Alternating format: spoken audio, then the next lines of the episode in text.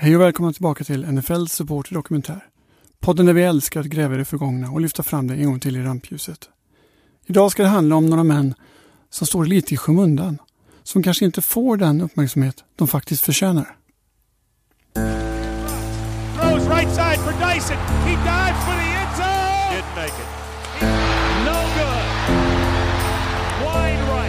For the end surrounding my position as it relates to the team's new ownership, um, I've decided to resign as the head coach of the New York Jets. four words.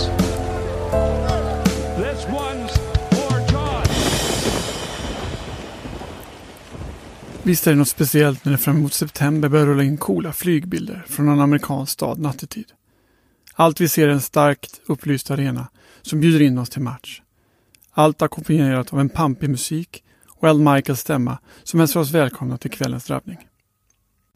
Produktionen har alltid varit A och O för NFL och idag ska vi ta oss en titt bakåt och hedra några av de män som sällan får den heder de förtjänar. Jag pratar om de som sätter stämningen. De som får oss att praktiskt taget känna doften av svett, kämpaglöd och höstlöv med enbart några få toner. Jag pratar om kompositörerna. Även om musiken i en dokumentär eller tv-sändning kan verka sekundär är vi nu alla överens om att musik kan väcka känslor och minnen på ett sätt som få andra saker kan.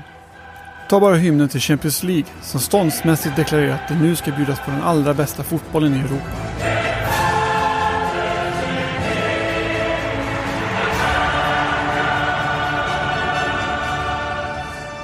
Ett annat exempel som slår an en sträng i många av oss är vignetten till Tipsextra som trots allt formade en hel lands inställning till brittisk fotboll mellan 1969 och 1995. I vardagsrum runt om i Sverige på lördagar klockan tre kunde man höra den här vignetten. Kommer ni ihåg den?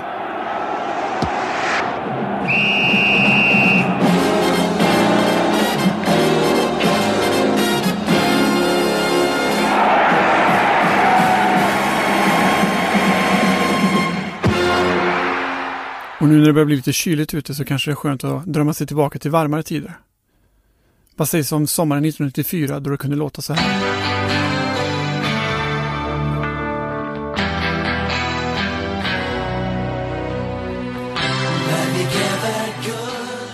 Vad vi än tycker om GES som grupp så är det svårt att bortse från att sommaren 1994 var speciell för alla som var med då. Det var oerhört varmt och matcherna gick mitt i natten. Själv sov jag på en madrass i källaren i ett kombinerat projekt med att vara nära familjens TV och samtidigt dra nytta av kylan.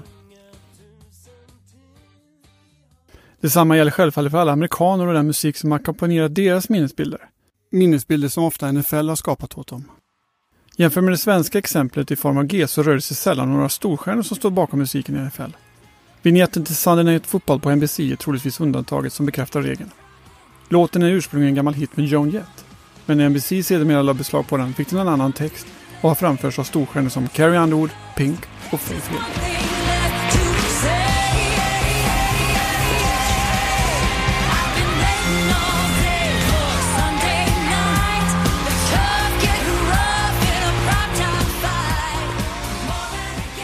Men det här är som sagt undantaget som bekräftar regeln. Annars är det oftast mer okända kompositörer och producenter som står bakom musiken i sändningarna och dokumentärerna från NFL. Och det är just dem som vi tänkte fokusera på idag. Eller snarare en speciell person av dem. Sam Spence. Mannen som satte ramverket för alla andra kompositörer i NFL. Håll till godo.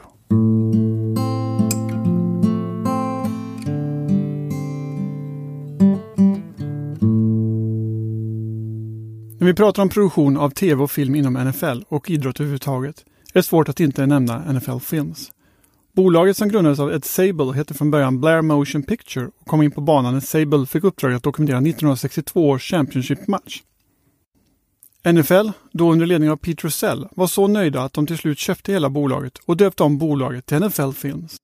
Sable och hans personal lämnades dock intakt och Sable kom att tillsammans med sin son skapa ett bolag som skulle göra ett gigantiskt avtryck i USA och dessutom sätta normer för hur sport ska dokumenteras i hela världen. Redan från dag ett var de väl medvetna om musikens roll i produktionens uppbyggnad. Och de ville någonstans att musiken skulle förmedla idrottens passion och samtidigt vara nutida. Typexemplet som fick kännas som en slags mall var ledmotivet till Peter Gunn. En deckarserie som gick på amerikansk tv mellan 1958 och 61. Vignetten som är skriven av den ack så produktiva Henry Mancini är idag långt mer känd än serien i sig.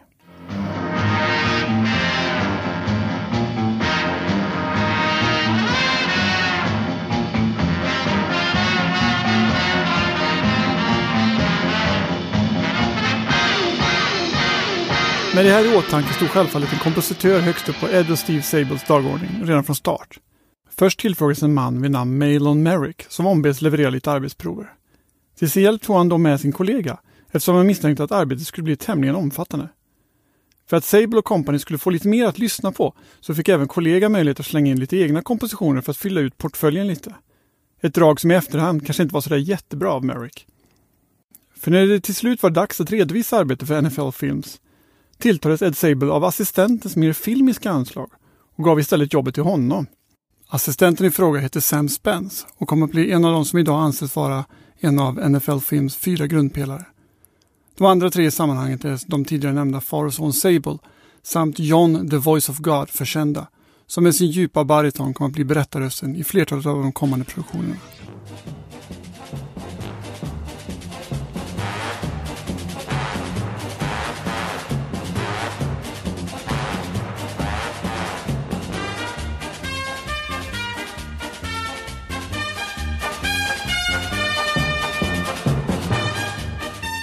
Spens musik kännetecknas, ja, som vi sagt var, att de är lite episka och pompösa och har lite familjärt drag över sig. Oerhört amerikanska på sätt och vis. Någonstans kan det säkert kännas som att du hört låten förut i någon westernfilm eller något liknande. Den här känslan är du i så fall inte helt ensam om. Flertalet har genom åren påpekat att det doftar lite stöld kring många av Spens produktioner. I skrivande stund har vi dock inte lyckats hitta några indikationer på att någon lyckats fälla Spens, utan likheter till andra verk får således ses som tillfälligheter eller rena hommager. Vissa låtar är dock inte Spence original utan folklåtar, så kallad public domain, som han arrangerat om och helt okej okay att sno om man får säga så.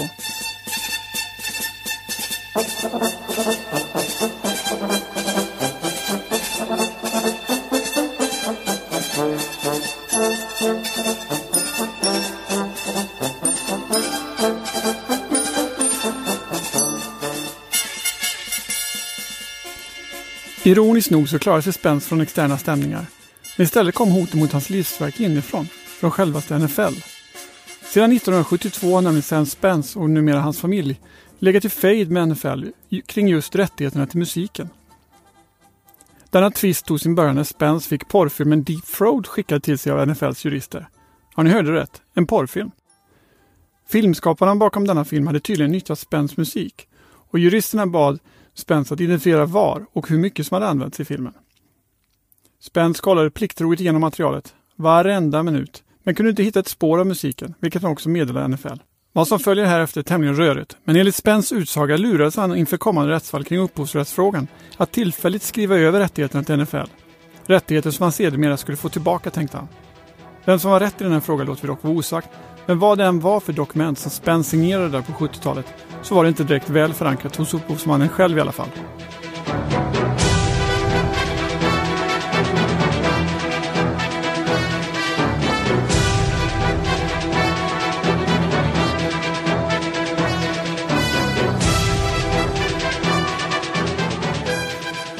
Även om Sam Spence på ett sätt var NFLs musik förkroppsligad var han självfallet inte ensam. NFL tog även in andra kompositörer som hjälpte till med att musiksätta den allt digrare utbudet av program och filmer som de producerade. 1963 var till exempel brittiska inslag på den amerikanska musikscenen knappt existerande. Men bara ett år senare var landet invaderat av brittiska artister med Beatles i spetsen. Alla som jobbade med musik av något slag påverkades naturligtvis av detta.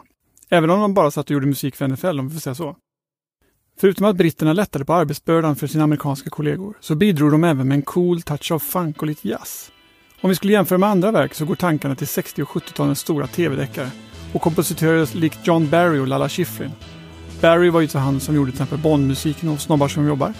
Och Schifrin var ju han som gjorde det eminenta Mission Impossible och Dirty Harry och Bullet.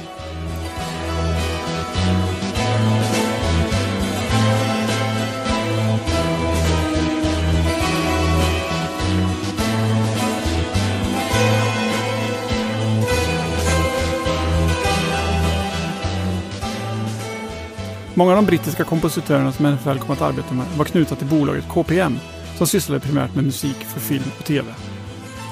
KPM, som är en förkortning för Keith Prowse Maurice, var och är än idag ett brittiskt bolag med anor från 1800-talet som sedan 1969 ingår i den gigantiska EMI-koncernen.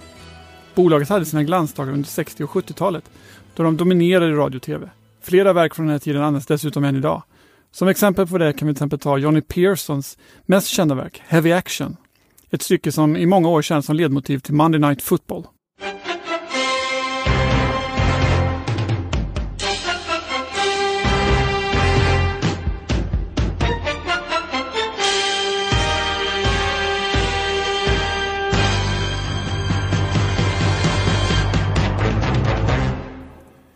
Ett annat exempel på den brittiska mer coola stilen är Keith Mansfields Brass in Action eller Funky Fanfare. Arrangemangen är fortfarande likt Sam stora, men de är lite coolare. Instrument som elbas och gitarr och piano tillåts ta större utrymme, vilket även ger musiken ett lite bredare tilltal.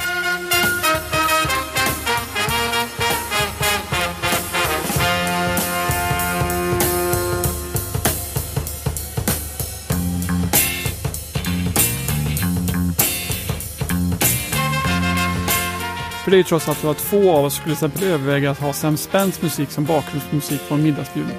Medan KPMs produktioner mycket väl skulle kunna fungera riktigt bra. Många av dem andas lite cocktailparty nästan. KPMs produktioner har dessutom fått nytt liv genom att de genom åren vunnit stort anseende i DJ-kretsar.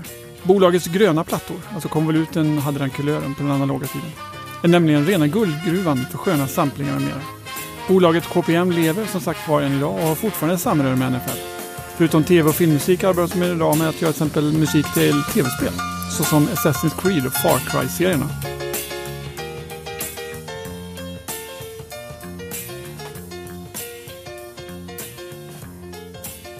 Sam Spence är tyvärr inte längre med oss och flertalet av KPMs kompositörer från den här sköna eran har även de stämplat ut på ändra sättet. NFL fortsätter dock populärare än någonsin och Sam Spence arv förs idag primärt vidare av David Robidoux som axlade manteln 1994 när Spence pensionerade sig. Robidoux är mycket trogen sin föregångare och Spence arv hörs tydligt.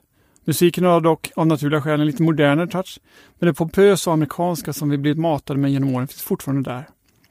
Mer eller mindre allt som du hör idag är signerat Robidoux. Temat till Hard Knocks till exempel, Super Bowl-hymnen, First Night Football, Inside NFL, America's Game och så vidare och så vidare. Som exempel på hans alster så spelar vi Run to the Playoffs. Ett stycke som för undertecknad alltid väcker lite extra känsla och verkligen andas slutspel. Då vet man att nu är det dags.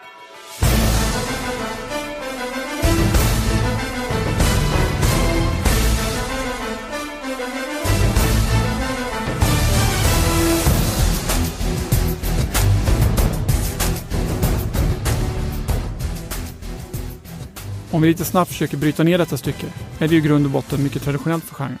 Det pompösa och storslagna finns där. Samtidigt tillför han mer moderna inslag som distade gitarrer och ett komp eller ett beat som känns mer hämtat från modern hiphop eller soul. En bra blandning mellan gammalt och nytt. Igenkänningsfaktorn kanske inte är så stor för oss europeer. Men jämför gärna tillvägagångssättet med James Bond-musiken som varit noga med att väva ihop det gamla och det nya i varenda film. Att musiken i en Bond-film låter bekant har vi i publiken sällan något problem med. Snarare tvärtom. Det hjälper oss att veta varför vi är där och spinner vidare på de positiva känslor vi hade med oss från tidigare filmer. Samma effekt försöker Robert Rowe anspela på när han presenterade detta för gemene amerikan.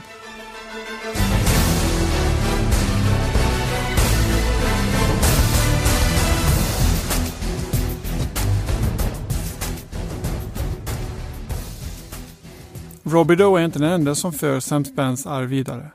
2005 fick många av oss i oss en dos av Sam Spence när hiphopgruppen Da Riffs remixade lite gamla alster för tv-spelserien Madden. Deras versioner kom att bli så pass populära att de används i flera av de följande Madden-spelen också. Samt en hel del tv-shower på NFLs egna kanal. Den stora skillnaden mellan dem och Robbie Rowe ligger främst i att de kommer helt utifrån och har en mer modern stil som ligger närmare den som gemene man lyssnar på idag.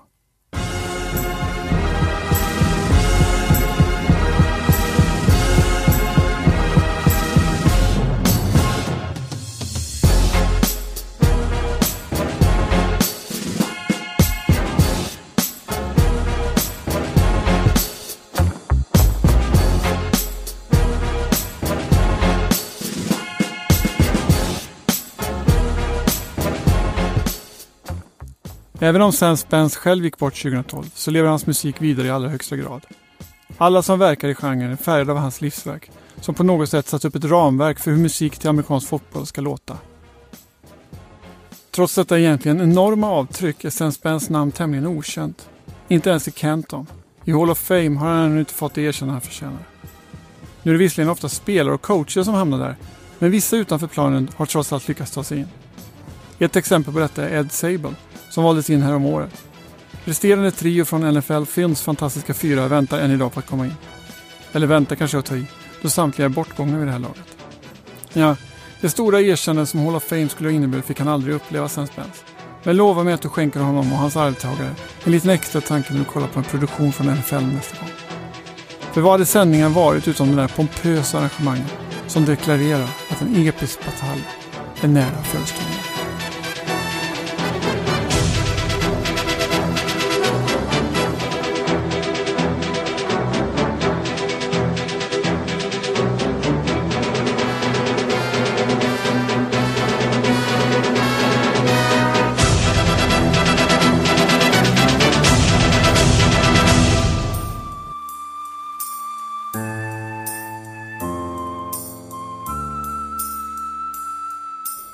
Det var alltså historien om Sam Spence och hans kollegor och hur de har format det NFL vi känner idag.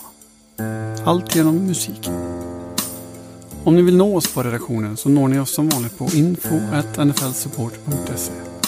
info.nflsupporter.se Nästa gång blir det något helt annat. Ha det gott.